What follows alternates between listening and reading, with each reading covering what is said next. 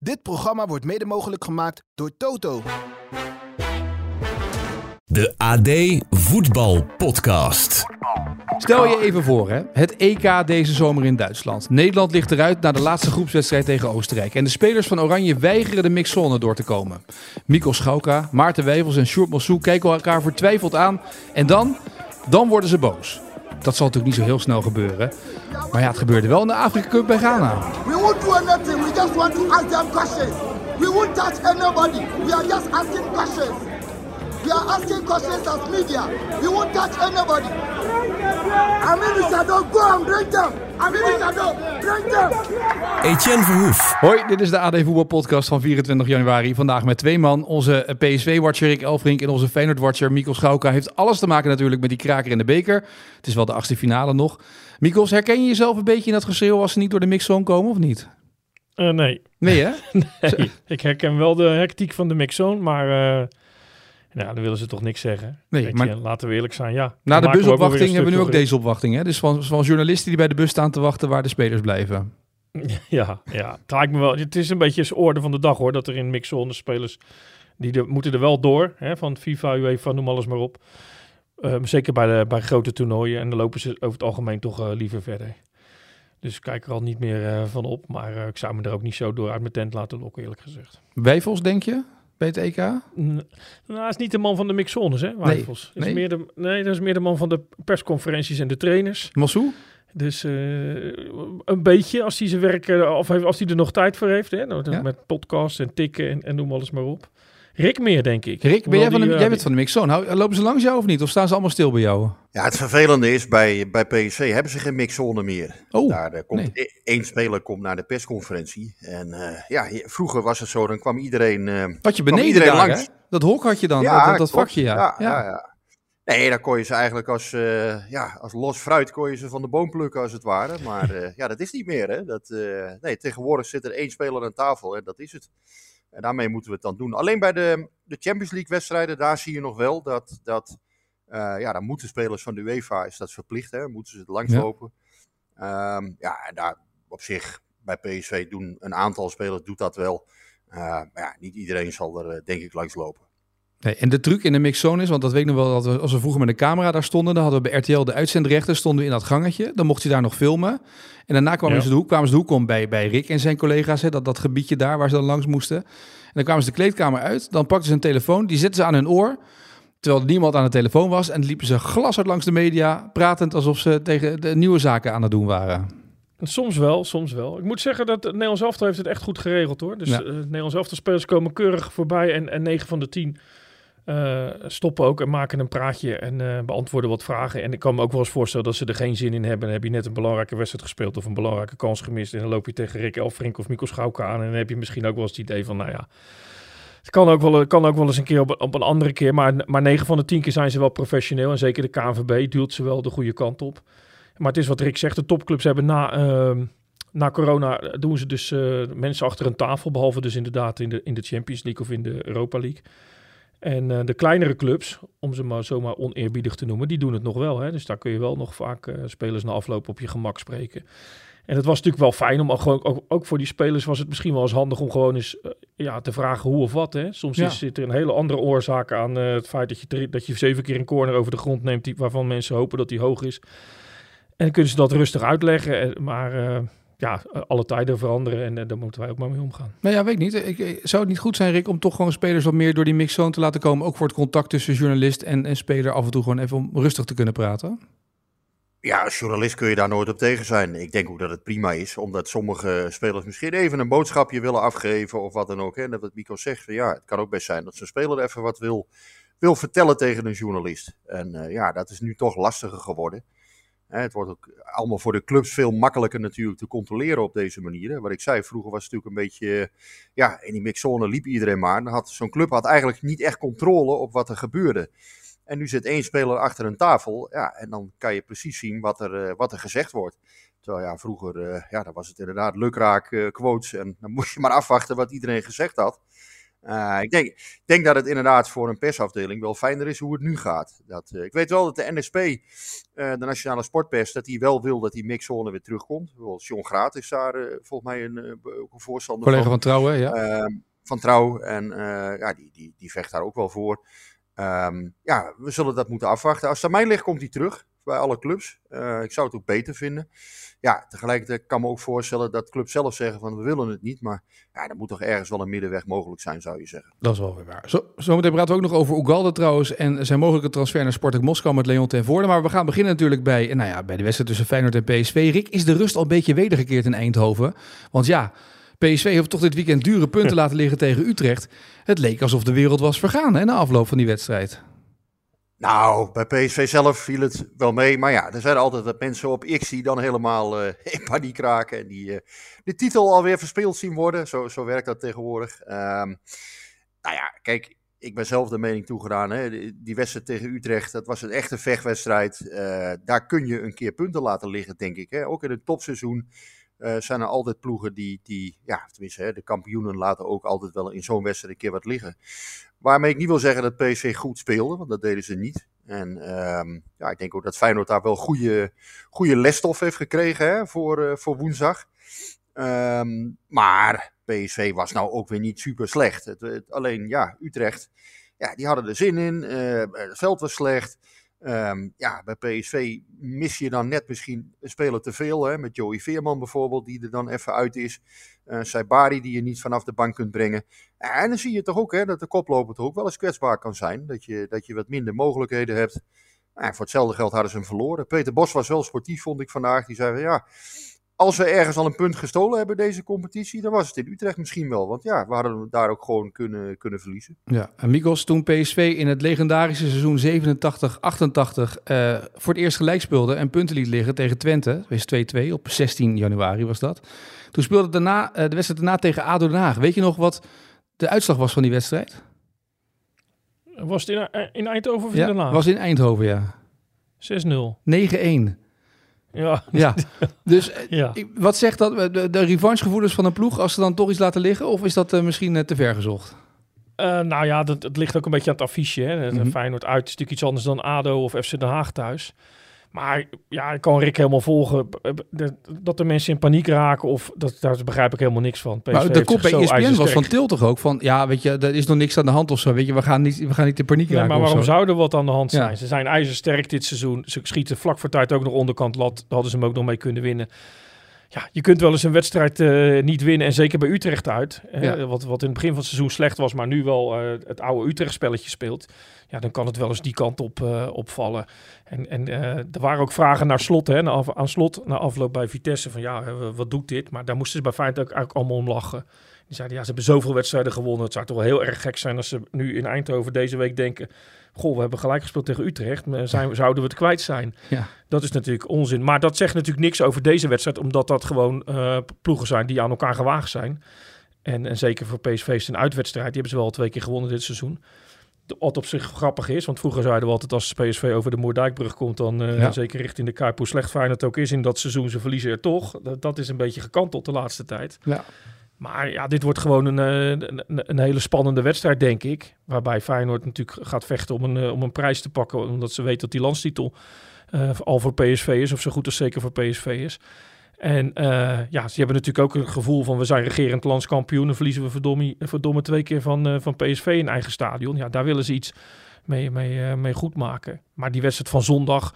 ik denk wel dat Slot daar natuurlijk uh, als, als, als, als uh, trainer, als vakman naar kijkt... van wat, haal, wat kan hij eruit halen, wat, waar had PSV moeilijkheden mee. Vandaag zei hij, het was eigenlijk een één op één... zoals Ron Jans het aanpakte, zoals wij het deden in de, om de kruisschaal. Ja.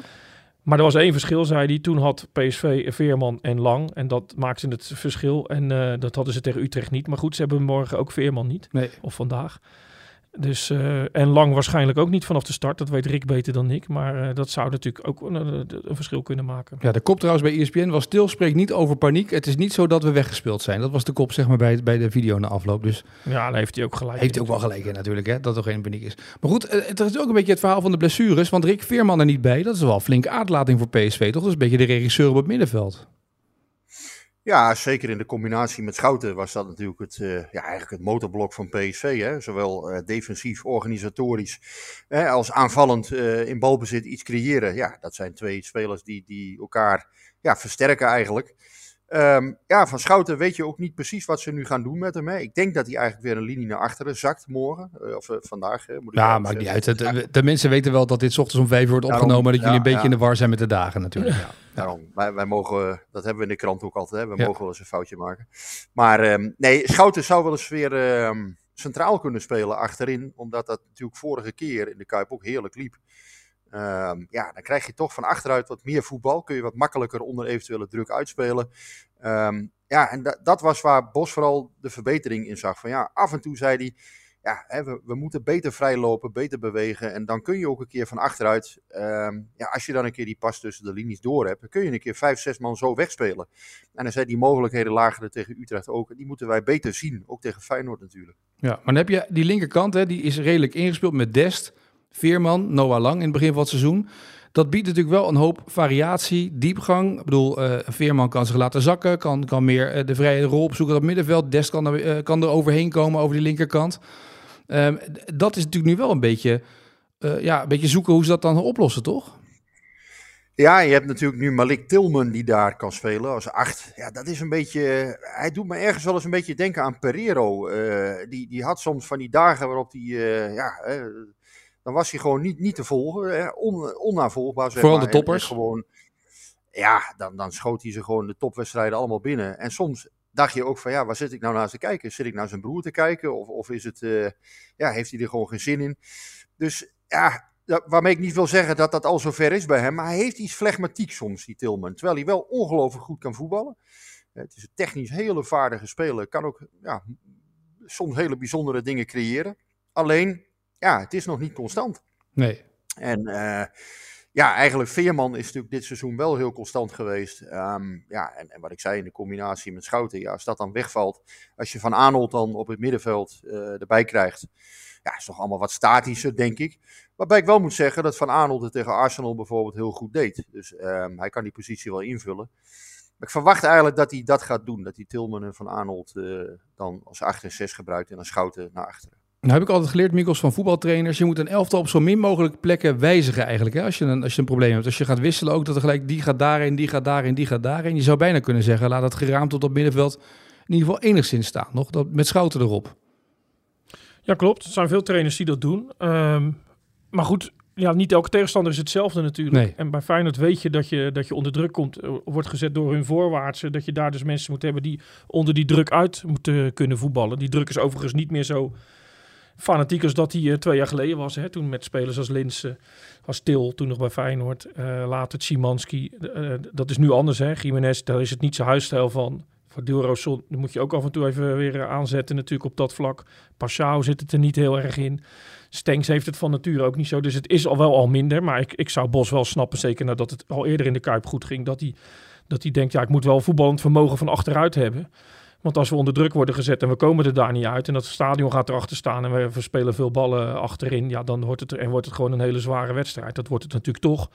Maar voetballend uh, vermogen van achteruit is volgens mij wel de sleutel in deze wedstrijd. Voetballend vermogen is de sleutel, zeg jij? Dat denk ik wel. Bij Feyenoord is dat ook zo. Kijk, Feyenoord speelde eigenlijk ook wel onder de druk van PSV uit de laatste keren. Alleen op het middenveld konden ze het niet... Uh, het spel niet, niet een vervolg geven, versnellen of richting uh, kansen. Want ze hebben best wel gelijkwaardige wedstrijden gespeeld, hè, als je eens een beetje terugkijkt.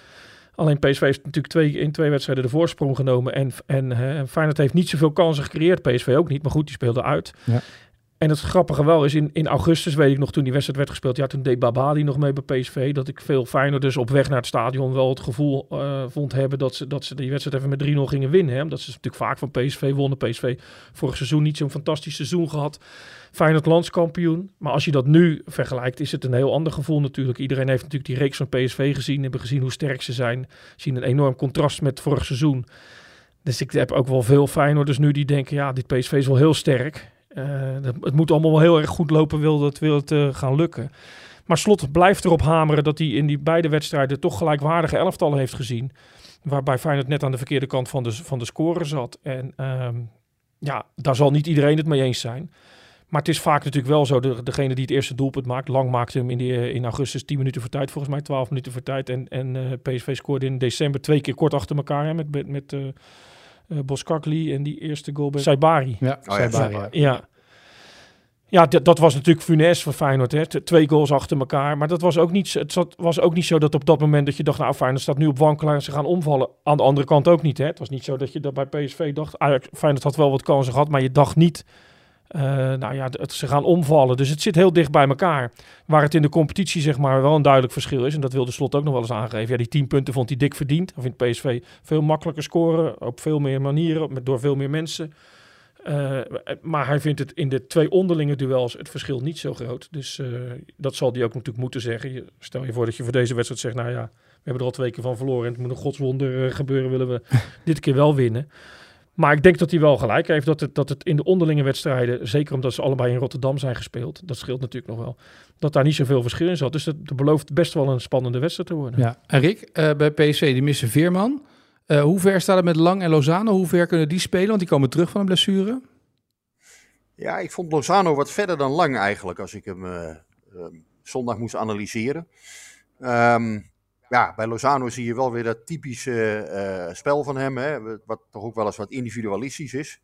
Hè, voor, voor mensen ook wel eens eh, wat ergerlijk misschien, maar tegelijkertijd, ja, het is een gevaarlijke, ja, het is onberekenbare speler die overal voorduikt en in, in zich voorgooit en ingooit.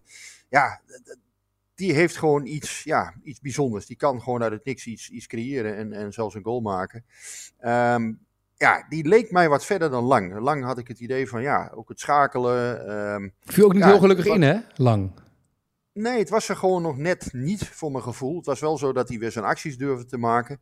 Ehm, maar ja, je hebt niet het gevoel van, goh, die, sta- die staat nou te dringen om al, ehm, om al te starten. Dus ik kan me voorstellen dat ze hem nog even achter de hand houden. Hè? Maar Lozano, daarvan denk ik, ja.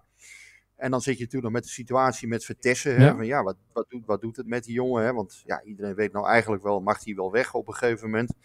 Hè? Voor eh 1 februari mag hij dan naar Union Berlin vertrekken ja, kan hij dan nog in de Kuip eh, nog één keer knallen? Ik denk overigens van wel, hè, want ik denk dat, dat dat wel een type is dat dat heel graag wil en die PSV ook echt wel wil helpen. Ehm, maar toch, hè, Bos moet wel beoordelen van, goh, hoe, hoe zit het in het hoofd met die jongen? Eh, is, er, eh, is hij toch niet afgeleid? Ehm, ja, en Lozano is er wel eh, ja, aan aan het komen. Kijk, Bakayoko gaat spelen, daar hoef je niet, hè, dat, dat, Nee. dat, is, dat verwacht ik gewoon dat hij wel gaat starten. Hoewel hij zondag ook niet zo, ondanks zijn goal, was hij ook niet, niet geweldig. Maar ja, ik denk, ik ga, zou toch op Lozano gokken, denk ik, eh, voor Ja. morgen. Ik had wel het gevoel bij de wedstrijd van PSV tegen Utrecht. Lang viel in. Eh, in het interview deze week dat Maarten met hem had, dat in het AD stond, zei Lang ook dat hij eigenlijk de eerste 10 minuten nodig had om in een wedstrijd te komen. Dan kan die eerste actie wel of niet goed gaan. Maar hij heeft een minuut of dan vraag ik me ook af, is Noah Lang nou de typische invaller in een wedstrijd? Of moet je hem niet al een half uur sowieso geven? Want in 10 minuten kan hij nog wat forceren. Ja, maar als, als, kijk, als het zo is dat hij een helft kan spelen maximaal, ja. Weet je, eh, ja, dan verspeel je ook alweer een zekere wissel natuurlijk. Het blijft altijd lastig om, om eh, te calculeren. Het is wel zo dat Bos altijd die spelers aan de buitenkant altijd oprookt, hè, als het ware. Dus na 60, 70 minuten zijn ze op. Dan, hebben ze zo- zoveel druk gezet en gerend. En ja, dan is het op een gegeven moment gewoon klaar. Ehm, maar ik denk dat dat voor lang nog net te veel eraan is, eh, zoveel. Maar goed, we gaan het, we gaan het zien. Mikos, wie mist Arne Slot in deze wedstrijd? Nou, de, de jongens die de Azië Cup en de Afrika Cup spelen. Hè. Dus, eh Nou, Minte is klaar, hè? Die kan zondag weer spelen als het goed Minte is. is, Ja. is klaar, klopt. Alleen ja, die is natuurlijk nog niet op tijd, eh, Nee. op tijd terug. Met een beetje mazzel is hij wel eh, morgen weer in Rotterdam. Of in ieder geval de dag erna. Maar nog niet klaar voor deze wedstrijd. Maar dat zou voor Twente wel kunnen. Verder eh, hebben ze twijfelgeval over Hartman. Die is eh, uitgevallen natuurlijk eh, geblesseerd van, van het weekend tegen Vitesse. En Stenks is ook niet helemaal fit. Dus dat zou die pas morgen zeker weten als die spelen. Zou natuurlijk wel voor Feyenoord een aderlating zijn. Omdat je dan twee internationals kwijt bent. En ze hebben 19 veldspelers. Daar zitten er al drie bij. Dat zijn jeugdspelers. Maar er zitten er ook twee bij. Die speelden vorig jaar keukenkampioen divisie. Daar hoef je niet laat Dunkert over te doen. Maar goed, dat, dat zegt natuurlijk wel iets. Ja. Dan heb je nog wat keepers. Dus dan wordt de, wordt de spoeling natuurlijk, eh, wordt de spoeling natuurlijk wel dun. Dus, eh, en zeker Hartman is natuurlijk een, eh, een, een, een goede speler geweest de laatste tijd. En Stengs ook. Hartman, die overigens in die wedstrijd in december ook zelf al snel eruit was, omdat hij natuurlijk uh, vol op deze liep, botste, ja. hoe je het wil noemen. En daardoor moest deze eruit. En dat was eigenlijk ook weer funest voor Feyenoord. Een beetje oneerbiedig voor deze, maar juist daar zagen ze de combinatie wel in. Ivanusek, deze. Ivanusek wat kleiner, het, misschien het idee dat hij wat makkelijker binnendoor zou komen. Dat is, dat is niet gelukt, omdat hij er heel snel uit moest. Maar dan kwam Dest aan die kant te spelen. Klein, vinnig. Eigenlijk het de ideale speler om Ivanusek op te vreten. En dat deed hij dan ook.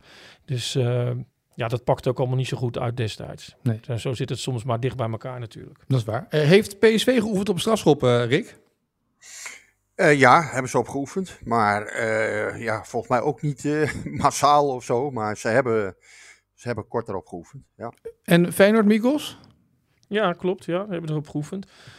Dat doen ze eigenlijk, begrijp ik, altijd uh, onder slot na de winterstop als ze nog in het bekertoernooi zitten. Dat is bijna onmogelijk om er niet in te zitten. Het eerste seizoen was het volgens mij wel zo, dat ze er al uitvlogen in hun eerste wedstrijd. Maar je speelt natuurlijk als top 3 club uh, die in Europa actief is geweest, speel je na de winterstop eigenlijk pas je bekerwedstrijden. Eentje in december. En ze zitten nog in Europa uh, natuurlijk, in de Europa League. Dus je zou straks in theorie op, op strafschop een keer een wedstrijd moeten kunnen beslissen. En daarom zegt hij wel eens, hij zei als het niet heel hard regent aan het eind van het seizoen vanuit de middencirkel vijf spelers van ploeg A, vijf spelers van ploeg, ploeg B, klein beetje nabootsen. En dan, de, dan die trap. Hij zei er nog wel iets grappigs bij, want hij, uh, ja, het is natuurlijk een trainer die veel in de hand heeft. Ik zei, ben je dan degene die zegt, eh, deze vijf gaan hem nemen? Toen zei hij, nee, uh, als er vijf zijn die hem willen nemen, dan nemen die hem. Zijn het er zeven, dan schrap ik er zelf twee. Hè? Dat laat ik dan niet die spelers doen. Maar zei, eigenlijk willen die spelers hem altijd wel nemen. Ik heb eigenlijk altijd wel anders gehoord. Misschien Rick uh, wat minder. Of, of zit ik daarnaast. Maar ik heb altijd wel begrepen dat er toch wel een hoop afhakers zijn als het spannend wordt. Maar hij zei, we speelden ooit met Cambuur tegen AZ in een halve finale. En liepen de twee spelers van Cambuur warm. En uh, ja, hij zei, we spelen straks uh, om een ticket voor de finale met strafschoppen. Kunnen jullie een strafschop nemen? Nou, die jongens waren dol enthousiast. Nee, trainen, geen probleem. Nooit een strafschop gemist. Nou, hij, hij dacht, die schiet hem allebei de bovenvoek in. En die miste. En uh, ze vlogen eruit. Dus hij zei vaak, denk ook spelers wel van ja, nou waarom eigenlijk niet? Hè? Dat, dat idee een beetje, we gaan, we gaan pakken. Terwijl ik eigenlijk altijd wel het idee had dat, dat je toch vaak spelers hebt die op het moment suprem denken, nou uh, liever even een ander. Ja, het is toch druk hè, die erop staat. Maar er staat, staat er bij Feyenoord nou meer druk op deze wedstrijd of bij PSV meer druk? Wat denken jullie? Ja, ik denk bij Feyenoord, omdat PSV natuurlijk, uh, als ze deze verliezen, altijd de dag erna denken, ja, we staan 10 punten voor en nu geven we even gas en we spelen nog Champions League. Hè, die zullen ze normaal gesproken niet winnen. Maar ja, goed, de beker is eigenlijk... Natuurlijk willen ze hem ook, hè, ze willen het hele pakket. Maar er is waarschijnlijk niemand die huilend in Eindhoven wakker wordt aan het eind van de week... en die dan zegt, ja, hebben ze, nou kunnen ze de beker niet meer winnen. Vorig jaar was het een heel andere koek natuurlijk. Hè. We hebben nog wel eens... Uh, discussie over gehad. Die wonnen ze bij Spakenburg en gingen al die shirtjes aan. Iedereen was hartstikke blij. Oh, ja. en, en, en, toen, en toen dacht ik nog, ja, de topclub PSV, kom op. Spakenburg kreeg uit. Jij, uh, kreeg jij half X nog over je heen? Uh. Kreeg ik half Eindhoven over me heen. Maar, maar, maar, maar, wat ik eigenlijk bedoelde is dat PSV uh, toen, dat PSV de club is die ze nu zijn. Ja, vegen ploegen van de mat, zijn niet snel tevreden. en ik snap wel dat toen was het een soort van strohalm. En dat heeft uiteindelijk natuurlijk ook het seizoen ja. wel een beetje gered met de mooie finale.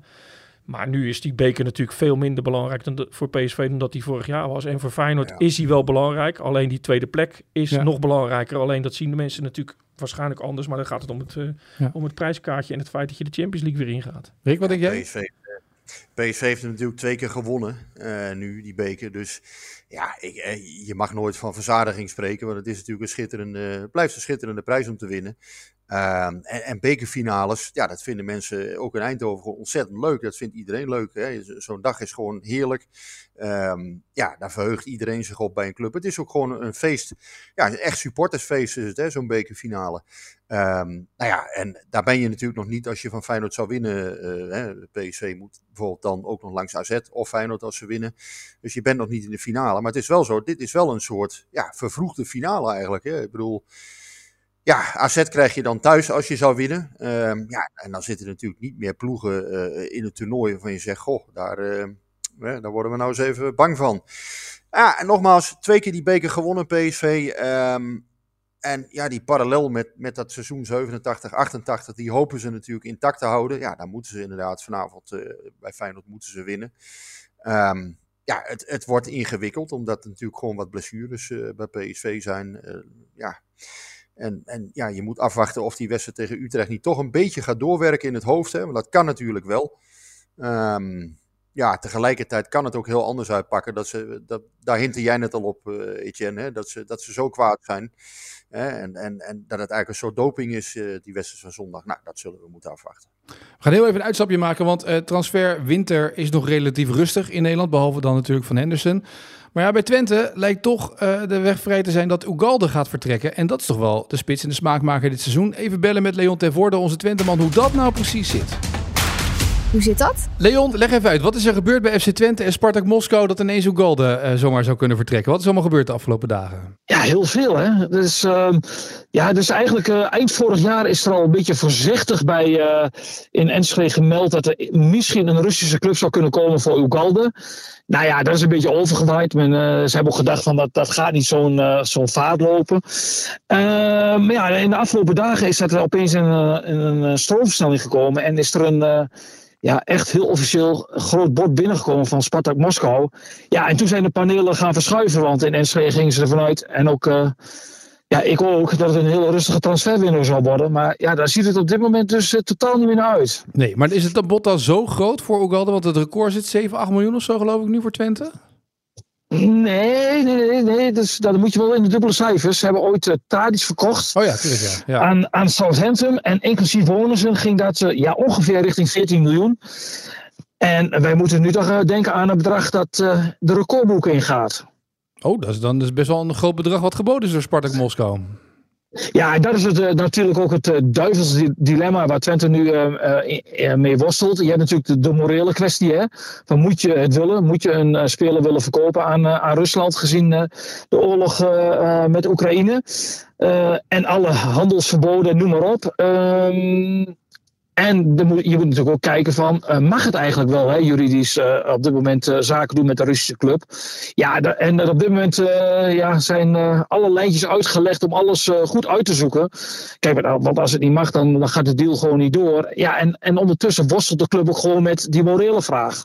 Ja, en de morele vraag is één. En twee is ook, je strijdt nog steeds om plek twee in de eredivisie. Ja, het sportieve verhaal. Dus ja. het, het, is heel, het is heel erg dubbel. Alleen, ja, je moet als FC Twente ook reëel zijn uh, op het moment dat zulke bedragen op tafel worden gelegd. En, uh, en als je alles weg gaat strepen en je kunt er netto nog heel veel aan over, overhouden. Ja, dan komt er ook een moment dat je als club geen nee kunt zeggen. Want ik denk dat Ugalde. Ja, uh, kijk, spitsen in Nederland die gaan voor veel geld weg. Maar dan moet je toch wel minimaal 20 tot 25 maken. Dan ga je naar, naar clubs en dan ga je voor uh, in, in de dubbele cijfers weg. Nou ja, uh, staat op dit moment op 7 goals en 6 assists. Als je bij elkaar optelt, zijn dat prima cijfers. Maar puur qua doelpunten. Ik denk niet dat Twente in de zomer dat bedrag weer krijgt. Nee. En dat is natuurlijk de afweging die je dan moet maken. Hè?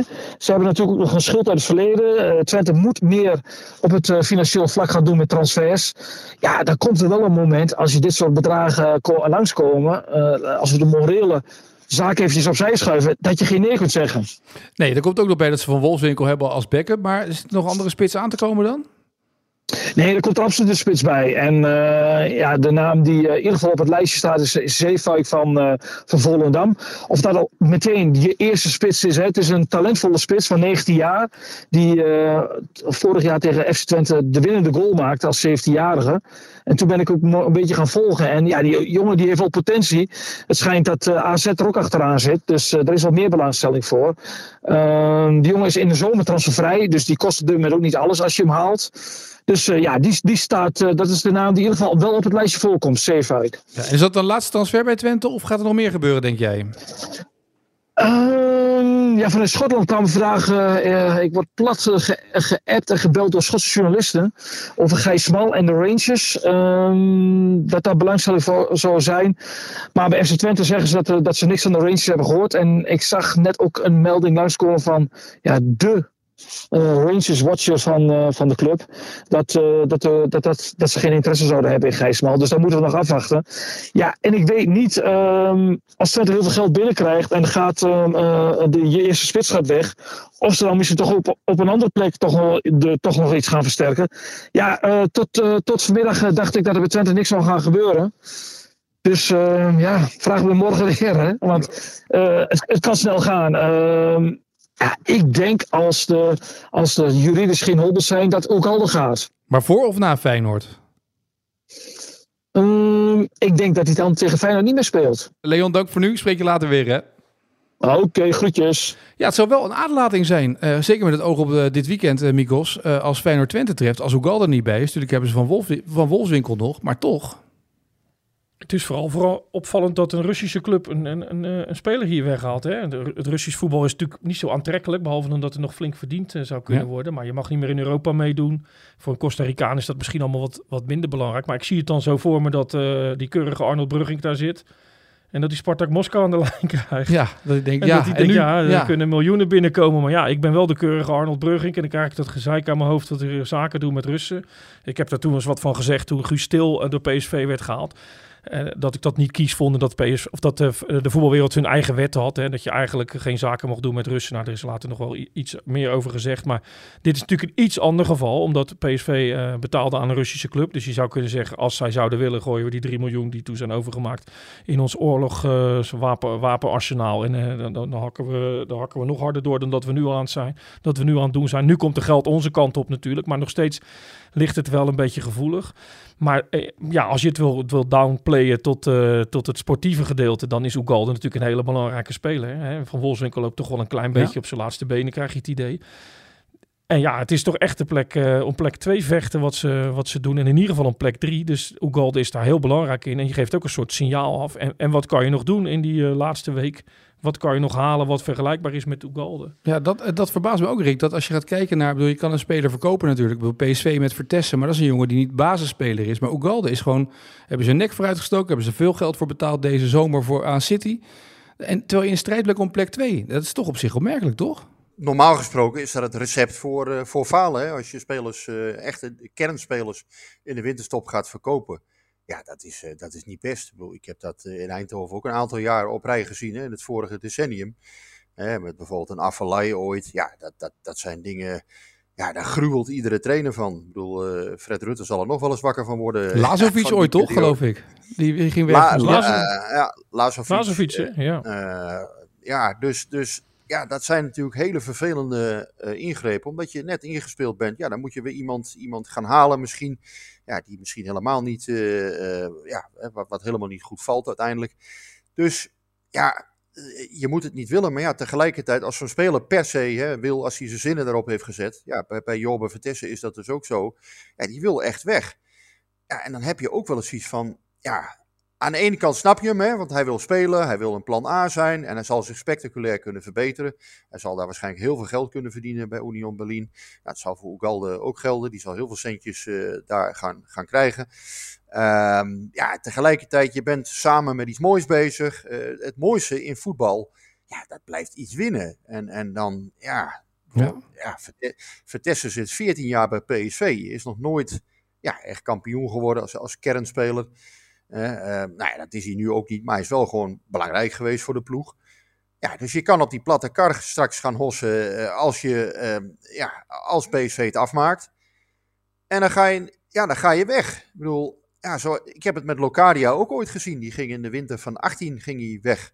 Dat was ook het jaar waarin PSV kampioen werd. Ja, dan mis je toch uiteindelijk, kijk, hij had natuurlijk al twee titels, dus dat is niet helemaal vergelijkbaar. Maar ja, je, je maakt dan geen deel meer uit van het geheel. En dat is toch, ja, ergens is het ook wel zonde natuurlijk. Maar nogmaals, ja, iedereen moet daar zijn eigen afwegingen maken. We hebben in België over transfers gesproken. Hè? Antwerp gaat er even een mooie transfer maken naar Atletico Madrid, Vermeeren.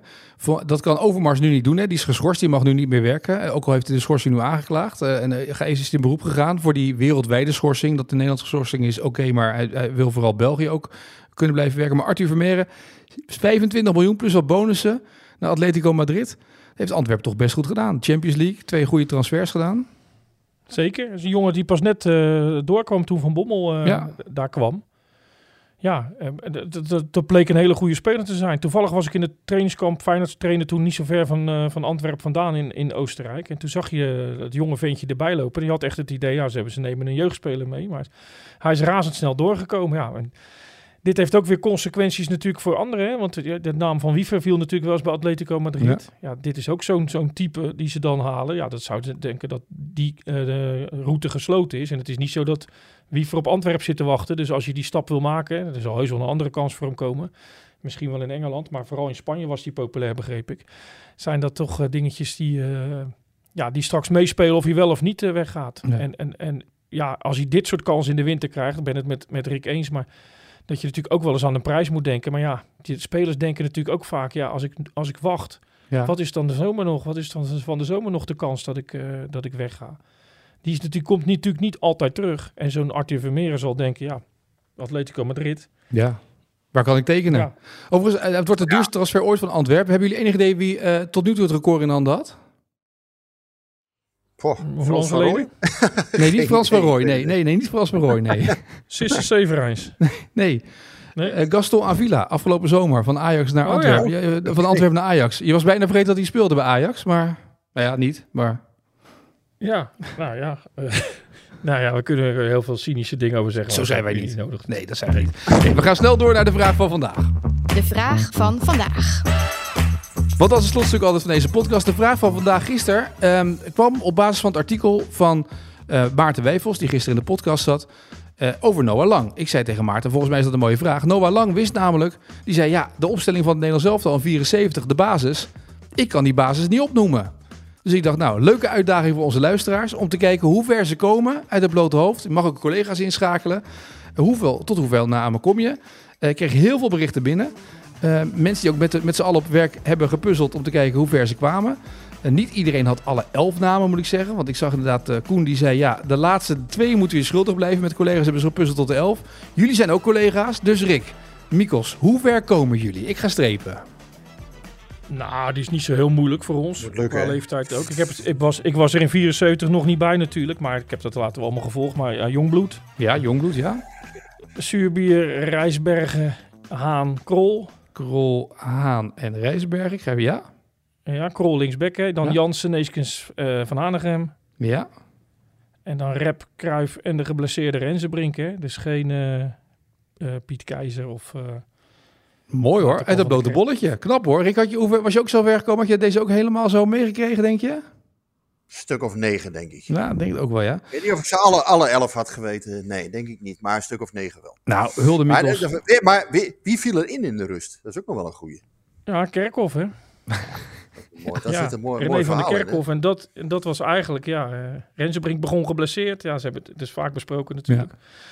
Van de Kerkhoff René, kwam eh, en, en niet Keizer. En toen werd er toch vaak gezegd, ze, ja, ze moesten komen. Ze hadden eigenlijk niet zoveel aan de snelheid van, eh, van de Kerkhoff. Ja. Maar meer aan de, aan de brieën van eh, Piet Keizer. Maar ja, die had geloof ik het hele toernooi geen woord gerept met, eh met Michels. Ja, René kan er altijd prachtig over vertellen. Hè? René die, die, die, die zegt dan, ja, Kruif en, en Michels gingen, naar, gingen in een hokje. En, of in ieder geval, even, en, en uiteindelijk kwam daar uit dat beraad kwam dat ik erin mocht ineens. Ja, En ja, zo is hij uiteindelijk aan twee WK-finales gekomen, René van der Kerkhoff. Fantastisch Ja. eigenlijk, hè?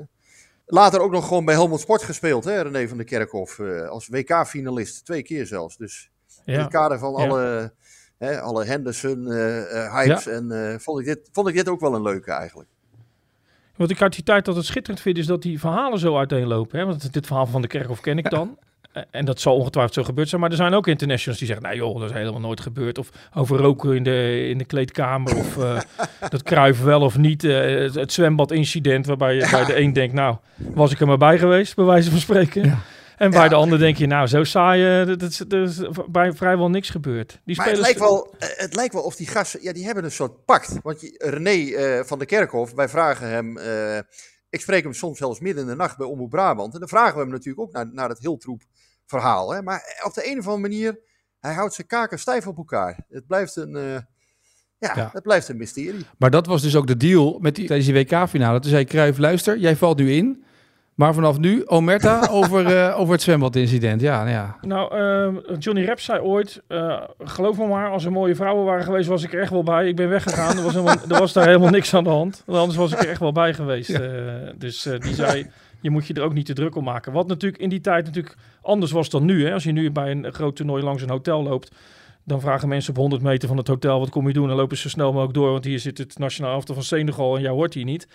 Maar toen kon je natuurlijk gewoon zeggen, oh, eh, nou, ik boek ook een kamer. En dan zat je, kon je ook naar het zwembad. Ja, daar kwamen je dan mensen tegen. En je kon ook gewoon natuurlijk eh, naar binnen om te lunchen of, of om te zwemmen.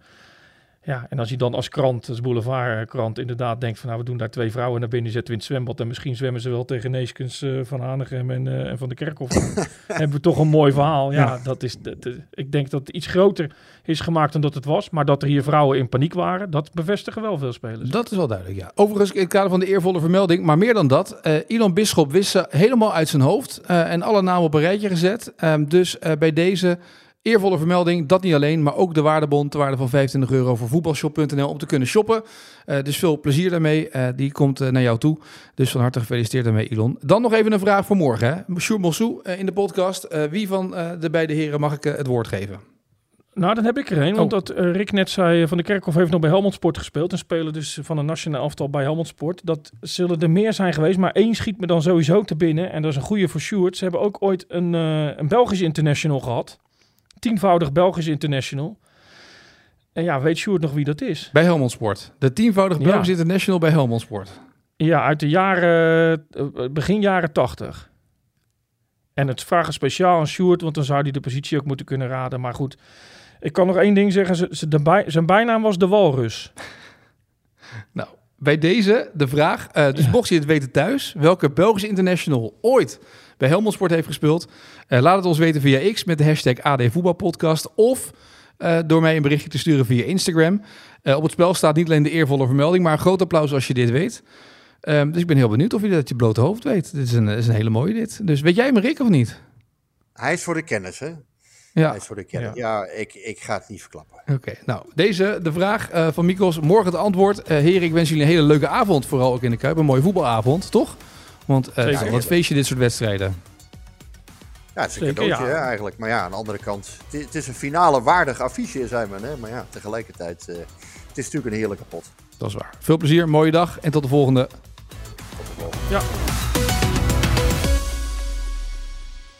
Dit programma wordt mede mogelijk gemaakt door Toto.